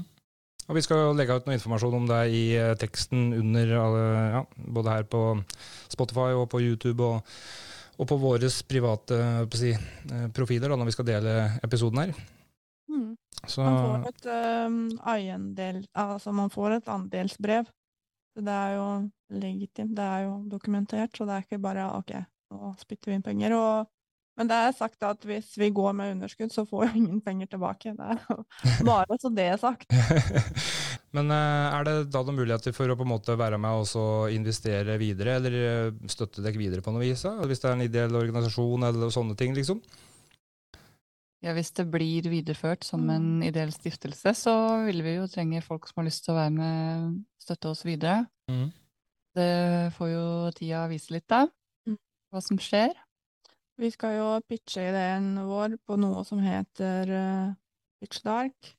Da er det litt sånn voice-opplegg som man sitter med ryggen til, og vi skal jo pitche. Og så da de som er interesserte, snur seg, og forhåpentligvis så er det noen som vil snu seg og støtte vår Jeg vil hele tida si sak, for det er jo en sak. Jeg ser ikke mm. det på en altså, jeg ser ikke på det som en bedrift, men en sak, for det er jo en Viktig sak. Mm. Og pitch-trening i Gründerparken er noe av det mest lærerike jeg noen gang har gjort. Og skal på en måte ned til det knappnål sju, da. Den, eh, vise fram den ende, altså, ja, den der kulepennspissen, liksom, at dette her er hele konseptet, fortalt mm. på 30-60 sekunder. Uh, og legg sjela deres i det. Altså, det, ha moro med det. Jeg, det var så, jeg var så dritnervøs før jeg skulle gjøre dette der. Og jeg satt og skrev og skrev og skrev. Vet du hva, Det var så vanskelig. Og jeg tenkte at dette her kommer til å gå rett vest. Og så var jo som sagt en del av dette gründersamfunnet her, hvor det er noen som er helt rå på pitching, da, som bare hjerter meg og setter ned språket jeg skulle bruke, og alt dette der. Og jeg brukte ei uke, da. Konstant jobbing i uke. Som sagt, jeg har ingen utdannelse, ingen erfaring med dette i det hele tatt overaktiv SUE, ADHD, PTSD og diverse andre ting. Og så skal du på en måte skrive alt konseptet ditt ned på, til 30 sekunder. Men der lærte jeg så mye av, og, og noen kommer til å snu seg. Det er jeg helt sikker på. Dere er så, så framoverlent og, og, grundig i det dere har gjort hittil, som jeg har sett, så jeg kan ikke forestille meg noe annet enn at dette her blir bra. Og om det, om det ikke er noen som snur seg der, så, så, så, vil jeg tro at det er mange andre rundt i samfunnet som kommer til å få øve opp hva dere driver med uansett. Håper det. Ja, ja det tror jeg. Det er, jeg. jeg. har fått masse positive tilbakemeldinger fra både Torstein Hagen på BliSet-konferansen. Eh, nå har, har, jo Hågen tatt kontakt med dere. Eh, jeg skal prate litt med meg, en god venn av meg som heter Arman Westad. Jeg vet ikke om dere har hørt om han? Ja. Mm, han, eh, han, eh, jeg har jo et prosjekt med han gående nå oppe i Trondheim, sånn at eh, vi skal legge ut en pod som har noe med økonomi å gjøre. Men jeg kan i hvert fall dele informasjon, og sånn at de kan komme med noen tanker som jeg kan dele med deg. Mm. Og det vil vel kanskje hjelpe litt, da, mitt navn, da har i hvert fall jeg bidratt litt. Absolutt. Ja. Alt hjelper. Vi setter stor pris på alt av all hjelp vi kan få. Og Mye handler jo om å synes, og synes det må en kanskje gjøre på sosiale medier. Så det er også å gå inn og på linka vi legger under her nå, og dele denne podkasten her, og, og, kanskje også skrive noen egne ord hvis du har uh, hørt det gjennom den, hva du syns er bra. tanker om hva som kan gjøres annerledes, mennesker vi burde settes i kontakt med, tagge inn folk uh, i vill den sky, og del, del, del. Det, det, funker, i hvert fall. Ja, tusen, tusen takk for at du uh, tok kontakt med oss og ville ha oss med. Er det noe mer dere skulle komme på eller tenke på, så får dere bare si ifra, så tar vi en runde til. Ja, ikke sant? Ja, absolutt. Det, er, det må ikke være siste gangen dette her. nei, nei, så bra. Så skal vi se om vi ikke får uh, frøkna ved sida av det inn i en liten pod med Marianne. Og kanskje Mikael òg. Hadde vært drømme. Hadde det? Ja, men da skal vi se om vi ikke kan få én drøm til å gå i oppfyllelse i dag, i hvert fall. Ja. Yes, nei, men Da sier jeg tusen takk for at dere ville komme. Takk. Takk, takk. Ha det bra. Snakkes. Ha det. Hei. Ha det. Etter podkasten var over, så hadde Maida og Malin et par spørsmål til meg om mine opplevelser rundt helsevesenet, som jeg svarte på her. Helt i starten, når vi snakka liksom, på meldinger, mm -hmm. så lurte jo vi, eh, eller jeg da, lurte jo veldig på hva, hva er dine tanker da rundt egen, både egen erfaring og ut ifra de du har vært i kontakt med, da, hva, hva, er, hva er viktig da eh, i, eh, i rusomsorg og oppfølging etter rusbehandling? Mm. Eh, ja, det er vel vanskelig å, på en måte gi det et kort svar uten å på en måte ta med lytterne inn i litt av reisa mi, da. Um, for dem som vil ha hele reisa, kan de eh, gå på YouTube eller Spotify og så gå helt tilbake til begynnelsen. Der har jeg da tre videoer som er til sammen fire timer lange, som omhandler hele livet mitt og hva jeg har opplevd. Eh, Men for å ta kortversjonen da, på, på en måte hvor jeg kommer fra, eh, hva som på en måte jeg har funnet ut med, med min uh, eh, hva som er grunnen til min rusavhengighet osv. For jeg vokste opp i et ryddig hjem, to gifte foreldre som fortsatt er godt gift. Hadde alle muligheter for å lykkes. og, og jeg tror da eh, at det var en feilmedisinering for en barneepilepsi som gjorde at jeg utvikla en eh, avhengighet. Mulig jeg var en avhengighetspersonlighet før det òg, for at jeg har på en måte aldri følt at jeg passa helt inn. Men det er liksom så langt tilbake til ti-sjuårsalderen da jeg fikk de medisinene, at jeg kan på en måte begynne å huske at eh, den virkelighetsoppfattelsen jeg hadde, den passa ikke helt inn med alle andre sin. Men om den kom før medisineringa eller etter, det har jeg ikke minnet tilbake på. da. Så jeg føler jo at jeg har en medisinsk på en måte grunn da, eh, på, på hvor på en måte jeg som kan forklare det suget jeg fikk når jeg bråslutta på dem for å få eh, førerkort på bil i 16-årsalderen, hvor jeg da opplevde antageligvis å få en eh, for å få abstinenser. For jeg bråslutta, jeg skulle egentlig ha trappa ned. Jeg fikk 1000 milligram morfiril. Eh, Som, som er ganske så det, det står at det er det som en, en unge på sju år skal ha, da, men jeg kan ikke fatte at det er riktig, for jeg sov jo med gjennom skole og dagen eh, stort sett. Jeg fikk jo ikke med meg noen ting. Så jeg kan ikke skjønne at det er rett, men jeg hører jo flere har fått det samme. Eh, Men når jeg da bråslutta for å få lappen på bil, så, så opplevde jeg antageligvis det som var eh, abstinenser. Eh, For jeg ble jo ufattelig urolig, sint eh, og ja, veldig humørsvingninger. Mora mi regna med at det var eh, eh, 16 år gamle gutten som på en måte begynte å bli mann, og at det var mye endringer. Men jeg var jo nesten aldri hjemme, eh, så jeg har jo et overaktivt hue og en ADHD som gjorde at jeg, da sov jeg aldri. Eh, Jeg kunne jo gå våken i to-tre dager liksom, og døgna og sånne ting. eh, Og det, det ble liksom den vanlige rutinen, døgnrutinen min.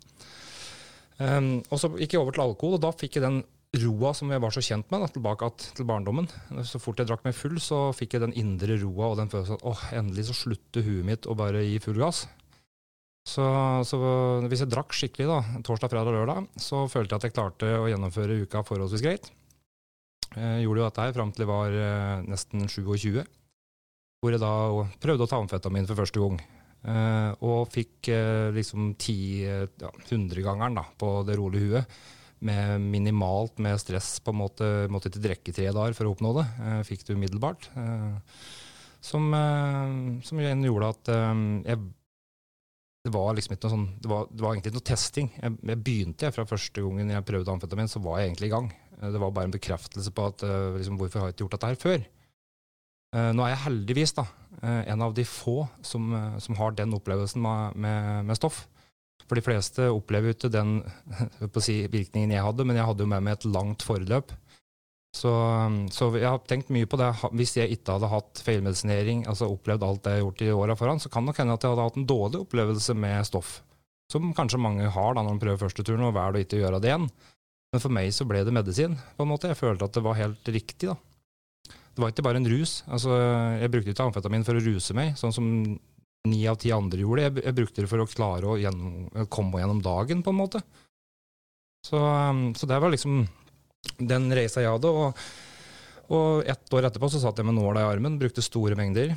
Uh, og tre år senere så satt jeg på min første åttemånedersdom for oppbevaring, salg og kjøring i bruset tilstand og alt andre det, det, ja, Jeg tror det var 28 tiltalepunkter jeg hadde på de tre åra. Så um, derifra så var det jo på av katt og mus med politi. Jeg bodde litt rundt omkring her og der, og, og endte da til slutt opp uh, Uh, med å ha to-tre forsøk, uh, ærlige forsøk på å slutte å ruse meg, men fant ingen egentlig som kunne hjelpe meg. Jeg visste ikke at det var noe tilbud, aldri, aldri hørt om enda uh, de reisene jeg hadde, bortsett fra i fengsel én gang, og da hørte jeg etter henne om det var noe gud og noe greier, og da bare Nei, dette her orket jeg. Som gjorde at jeg, jeg gjorde egentlig bare ting da, i fengselet og, og sånne ting som, som, ga meg goder. da. Jeg gjorde det for min egen del, egentlig. som igjen hadde kanskje litt med frykt å gjøre. da.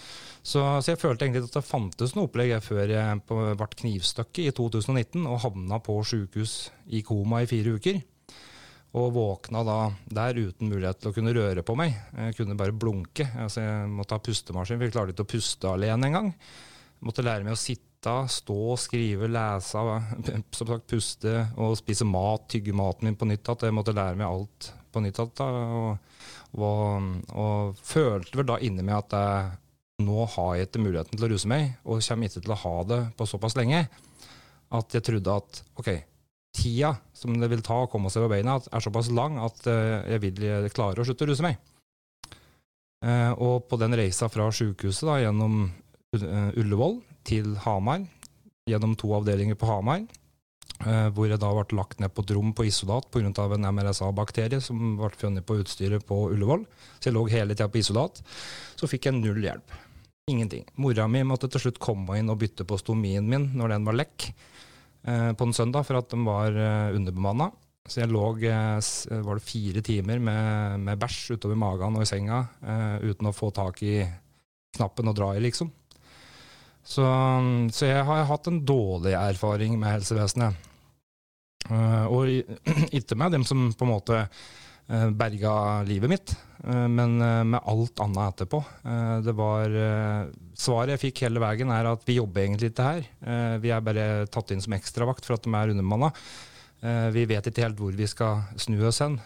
jeg fikk feil, feil mengde medisiner. Eh, og det ble, ja, det ble mye tull da, som gjorde at jeg til slutt møtte veggen og fikk et sammenbrudd på Hamar sykehus. Og det var vel mitt første møte med, med, med Hva heter det? Eh, det var vel et ambulant team, men det kom en hesablasende, en svett en på slutten av dagen i hvert fall, så, og hadde hørt at jeg hadde store psykiske problemer og trengte noen å prate med. Og da fikk jeg egentlig til svar til meg at det var for en uke siden. Nå går det bra. Så det, det, var det eneste kontakten jeg hadde før jeg havna da på Tømmerli. Og, og, fikk en fysioterapeut som eh, sto ved sida av meg og sa nå skal du reise deg opp og stå og gå. Eh, og det klarte jeg ikke, så det måtte jeg gjøre til jeg klarte det. Eh, jeg måtte ringe min egen kiropraktor for at jeg hadde låsninger i ryggen, så jeg klarte ikke å snu meg i senga. Jeg lå på med betennelse i begge hoftene pga. at jeg ikke kunne ligge på magen pga. utlagt tarm. Jeg hadde et liggasår hvor du fikk to fingre helt inni bakpå halebeinet, sånn at jeg fikk til å lage på ryggen. Jeg gikk ned 30 kilo på, på tre måneder. Jeg fikk ikke i meg mat. Uh, og da kjørte faren og mora mi alt det jeg trengte opp dit, sammen med, med folk på en måte som, som kunne hjelpe meg. Uh, og hadde en runde med dem oppå der hvor han forlangte at skulle, legen skulle kikke på liggasåret mitt og få en ordentlig vurdering.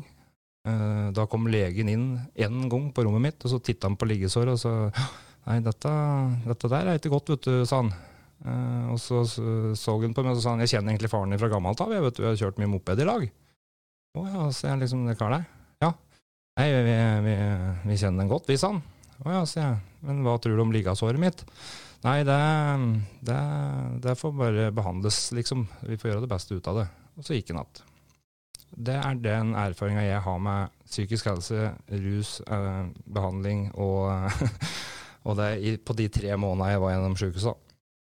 Ja, altså, du fikk ingen som helst oppfølging med tanke på hva du hadde vært gjennom, altså den traumatiske opplevelsen du hadde vært gjennom. Ingenting med tanke på at du hadde mange år med mye rusing. Altså, ingen som snakka med deg om det? Alt handla om å, å, tilpasse alle vondter og, og, jeg hadde, og så var det om å gjøre å få medisinert. Men jeg fikk sånn derre Du vet sånn medisinglass du får, vet du, som er fem centimeter høyt, som du får medisinen til tre ganger om dagen på sjukehuset. Jeg fikk sånne engangskrus ja, som du har kaffe til. Tre ganger om dagen. Uh, der fikk jeg, tre, eller jeg fikk fem gram Paracet om dagen i bunn oppå, oppå um, tre typer psykosemedisiner, beroligende og, um, og uh, morfin. Uh, andre smertestillende, Paragin Forte. Jeg husker ikke hvor mange tabletter det var, men jeg kjente til slutt at jeg åt meg sjuk. Hver gang jeg tok tabletter, så ble jeg dårlig og kjente en sånn der rar sånn der i huden. Så jeg begynte å gjemme unna medisinene mine, for jeg kunne ikke skjønne at dette skulle vært riktig. Så jeg tenkte for å ta unna, ta unna fire av fem, para, fem gram Paracet om dagen, da, tenkte jeg, for der vet jeg at det er bra. Så um, kutta han legen uh, Jeg husker ikke hva de psykosemedisinene het da. Uh, men han kutta dem, for jeg sa jeg vil prøve se, og kjenne på det. For jeg føler at jeg er så medisinert at ikke, jeg vet ikke hva jeg skal spørre etter. Jeg sitter jo bare og gaper. Så sa han at nei, det er helt nødvendig sånn, for at du har vært gjennom så mye, så det er helt nødvendig sånn, å, å medisinere deg uh, til du får noe hjelp. da. Så, så, prøvde jeg også å kutte på en type der, og da hadde jeg mitt andre uh, angstanfall. Dette var jo da etter jeg kom ut fra Hamar sykehus, hvor um, igjen mora mi kom og måtte roe meg ned, for det var ingen personell der som kunne håndtere noe sånt. da. Som igjen gjorde at du, vi ble egentlig såpass oppgitte at, uh, at jeg, jeg slet ut hele familien min. De var oppå der på rundgang liksom, for å roe meg ned, og dødsangst og, og, sånne ting. da. Så det er min erfaring. Men så tenker jeg at det kan jo ikke være så galt for alle. Altså Jeg tenker at dette her var jeg som var uheldig. da. Uh, men uh, jeg har jo begynt å skjønne da, at det er en del ledd her for andre folk da, som ikke fungerer helt optimalt, kanskje. Så jeg har jo ikke hatt på en måte lyst til å gå ut med dette her i min i min fortelling om reisa mi. For jeg får en litt sånn der følelse av at jeg skal sitte og prate stygt om dem som på en måte har hjulpet meg. Eh, som kanskje har gjort sitt beste. Det er jo ikke de som nødvendigvis jobba der, som er eh, skylda til at jeg ikke fikk den oppfølginga jeg trengte. Det er vel heller kanskje de som ikke var der, som, hadde, som burde ha gitt dem de midla og, og ressurser som de trengte for å håndtere sånn som meg, da vil jeg tro. Ja, det er ofte det det handler om, at det er jo det er mangel på ressurser. Mangel på folk og mangel på penger for å ansette folk. Så jeg vet ikke om dere på en måte klarer å sette dette inn i det, hva dere har til erfaringer. Dere må bare spørre meg om eh, For eh, det var jo avtalen før vi starta her òg, at eh, jeg skal hjelpe dere med på en måte den erfaringa jeg har. Sånn at det er litt interessant å, å svare dere på hva dere lurer på, egentlig. Ja, altså ut ifra det du forteller, da. Um, jeg har jo hørt ganske mye av den historia di i podkasten, men hvis jeg husker riktig, da, så var det ikke sånn at du slutta å ruse deg når du var på en måte ute fra den her eh, rehabiliteringa. Det gikk litt tid før du faktisk slutta.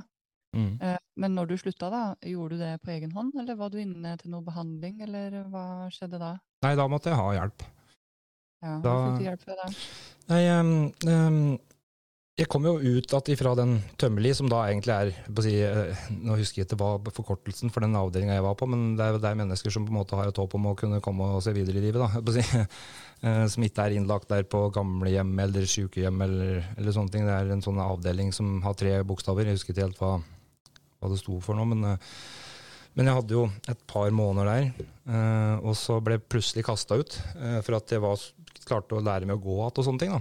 Jeg var jo fortsatt pleietrengende og trengte medisiner og, og alt dette her.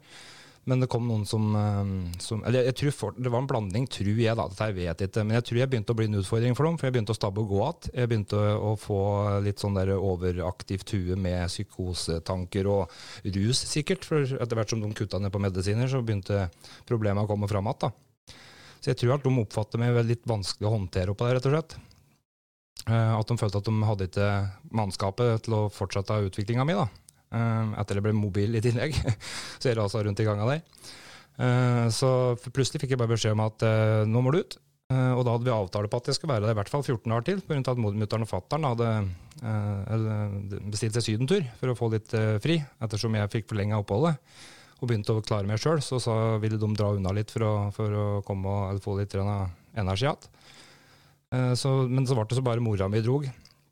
Men faren min jobber jo fra morgen til kveld, sånn at han var jo aldri hjemme. Så når jeg ble sendt hjem igjen til dem, så kom jo fatter'n hjem liksom på seks-sju-tida om kvelden, og da, da, var jo jeg ferdig med dagen for lenge siden. Jeg holdt jo ikke uten mer enn noen timer før jeg sovna og ble liggende. Eh, men da ble jeg sittende på, sittende på andre etasjen der, da, eh, hvor det kom en sykepleier to til tre ganger om dagen og, og ga meg medisiner. Um, og da skjedde jo det at noen sa til meg at ja, du skal ha Ritalin, og du, sa hun. Ja, så jeg går jo egentlig på det. Uh, så jeg lurte på liksom mengde og sånn, og så, nei, så forklarte jeg hva jeg hadde fått før det. Uh, og så la, la de att alt på bordet til meg, og så dro de. Uh, og jeg har jo altså skjøtet da, med sprøyter, knust Ritalin, i, i, tre år før dette her skjedde som et substitutt for amfetamin, for jeg prøvde å slutte på amfetamin. Sånn at uh, Ritalin var jo min amfetamin. Så jeg begynte jo da å spise doble doser for å få effekten, og så merket jeg egentlig ikke på det. Og så uh, fikk jeg klora meg ned på apoteket en tur og hente noen noe sprøyter, og fikk uh, satt i gang og, og, fikk satt med et skudd da, med Ritalin. Og da var jo egentlig sirkus i gang. Da gikk jo rett inn psykose. Uh, og torde ikke å si til mora og faren min eller noen rundt meg at jeg, at jeg hadde gjort dette, for da tenkte jeg at da gir de i hvert fall opp med etter alt som har skjedd. Så jeg torde ikke å si det til noen ennå, så alle trodde at dette her var et resultat av det som hadde skjedd meg. Um, og um, så gikk det jo bra en stund, for da torde jeg ikke å gjøre det på en stund. Men så begynte jeg å spise de Ritalina, men så viser det at det, når du spiser dem òg, så får du egentlig samme effekten psykisk, ikke sant. Jeg, jeg trodde det bare kom av at jeg injiserte det. Så det sakte, men sikkert da, så begynte det å forandre seg. Jeg begynte å få paranoia og sånne ting, og begynte å gå mer og mer inn i meg sjøl, mens jeg torde fortsatt ikke å si det til noen. da. Så, så jeg endte jo opp, opp der liksom ut på sensommeren og fikk liksom stabla meg gjennom at det der. og Det var jo juni, slutten av juni, eh, juli. Eh, og kom ned i en podkast til en kamerat av meg og begynte å dele historia mi der. da. Eh, for å på en måte prate litt høyt om det. For det var mange som lurte på hva som hadde skjedd en, på en liten plass. Så jeg tenkte at det var best å dele der. Og så oppdaga jeg at det å sitte og prate på det til hele verden, uh, det gjorde ting lettere. da. Jeg følte ikke det trøkket om kvelden. Så jeg tenkte at dette her har jeg lyst til å gjøre mer. Uh, og så begynte jeg å trene litt for å sykle Birken og sånn. Og, så hadde jeg fire eller fem tilbakefall til amfetamin da, fram til, til desember 2019 blir det da. Hvis ikke nå husker helt feil. Men i hvert fall så hadde jeg fire-fem tilbakefall uh, før jeg på en måte um, fikk um, uh, Jeg hadde tre, to-tre tilbakefall før jeg fikk kontakt med rusteamet i kommunen. Eller mora faren min, søstera mi, fikk det. Og fikk meg inn da på nærbehandling i kommunen, som da er et åpent dagtilbud tre dager i uka. Og det var jo det som på en måte var redningen for meg, for rett før det så hadde jo da blitt lagt inn på psykiatrisk på Sanderud. Eh, den, eh, den, eh, høsten, da, på en måte. For da hadde jeg jo blanda amfetamin og Ritalin og vært ute på byen en tur på, hos noen tidligere bekjente.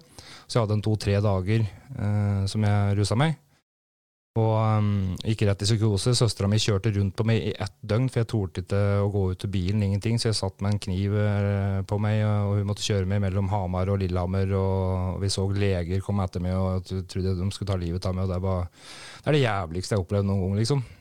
Uh, men fortsatt så visste jo ingen av dem hvor de skulle snu seg og spørre etter hjelp til meg. da. Det var jo kun politi og lege, liksom. Men så har jeg heldigvis en oppegående lege som, eh, som kjenner meg godt. Så når han så hvordan jeg så ut, så bare, her er bare å ringe rett til ambulanteam, bare få en vurdering på han og, og, få han inn. Og hvis han ikke vil inn, så må han inn. Ferdig prate, For at dette her er ikke bra for han eller for dekk. Så de kom, og da var jeg såpass oppegående at jeg skjønte at jeg måtte si to ting. og det var At jeg var oppegående over mine fulle fem, jeg er adekvat og kan ta egne avgjørelser. For da visste jeg at det ikke kom til å bli tvangsinnlagt, for det hadde jeg hørt at noen hadde sagt en gang. Så det ble ikke. Det ble lagt inn frivillig. Men jeg skjønte at jeg måtte for at jeg skulle ha en sjanse til foreldrene mine og familien min. For at jeg skulle gitt en sjanse, så skjønte jeg at jeg måtte inn dit for å roe dem. Eh, og så kom jeg inn dit på psykiatrisk, og, og um, første jeg så når jeg kom inn der, det var masse krigsblad med skjulte massegraver og skjellettertid i de bladene som lå framme som lektyre til de som var der.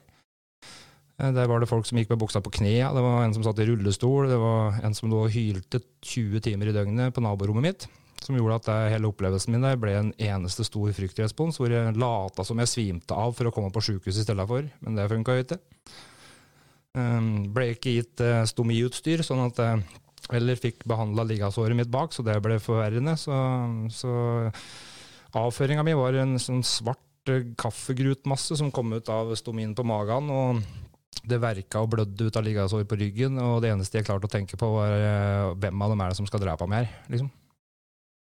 Eh, så jeg satte meg ute i rommet der og så begynte jeg å bla i de bladene. Og da ser jeg liksom det første bladet jeg tar opp, det er sånn derre Hvilke eh, land i verden kan minne om ansikter og, eh, og Ailen?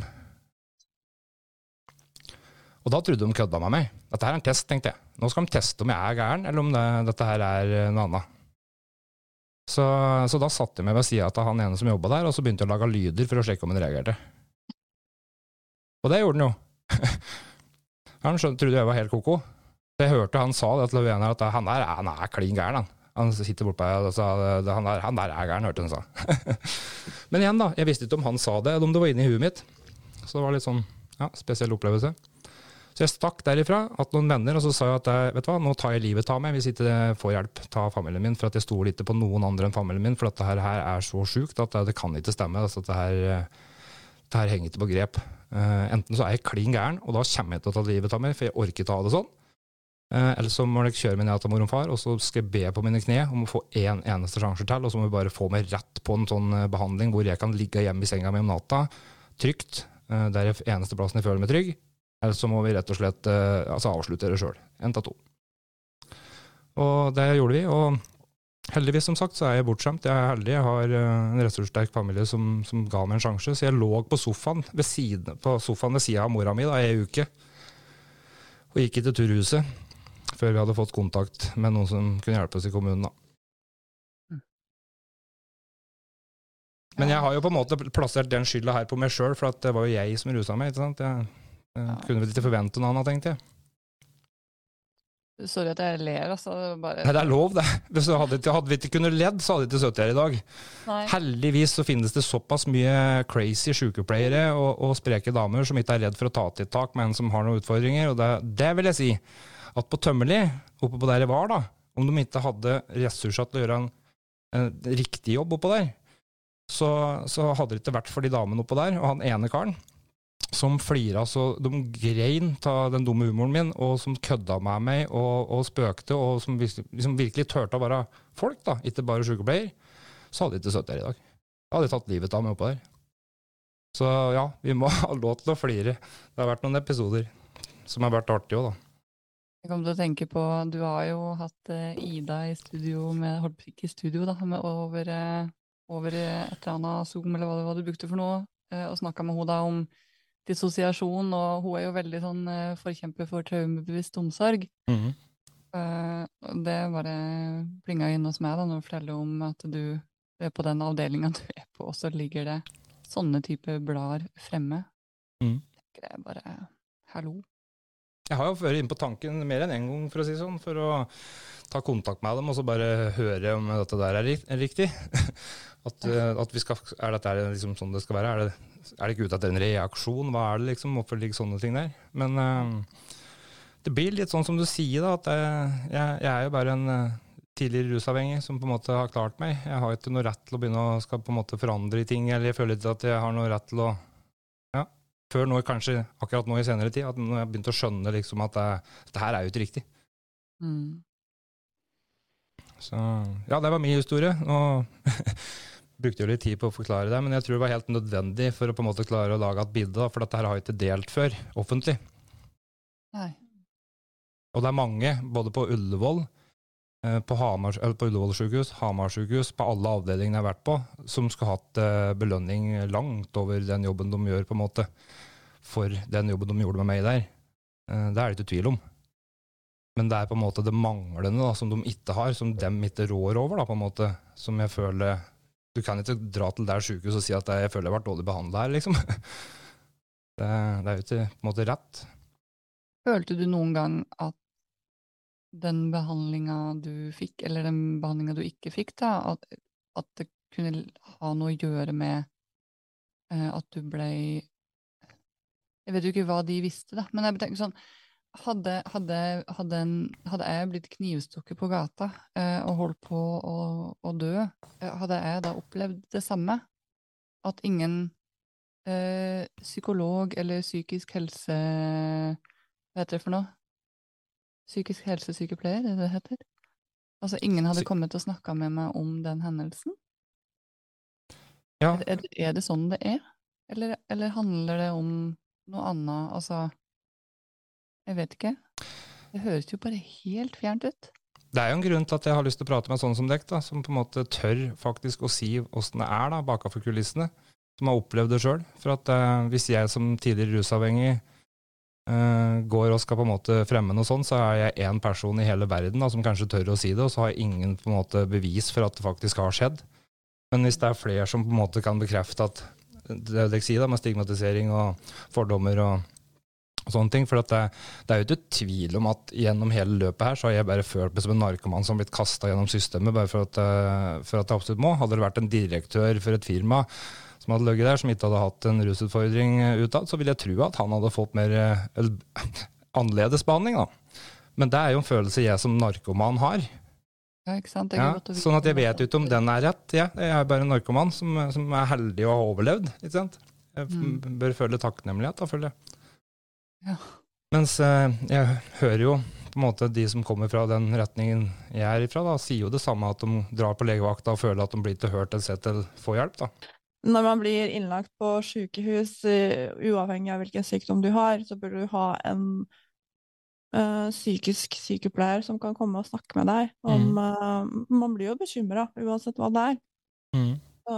man får jo man får jo problemer uh, oppi huet sitt og når man er langtidsinnlagt og ikke helt kanskje kan takle problemet selv. Og i tillegg hvis man har sånn som du har hatt psykoser og Kanskje sykepleiere er jo litt sånn redd. Man kan jo bli mm, redd, og ja, ja. du vet ikke hva det, hva det, er.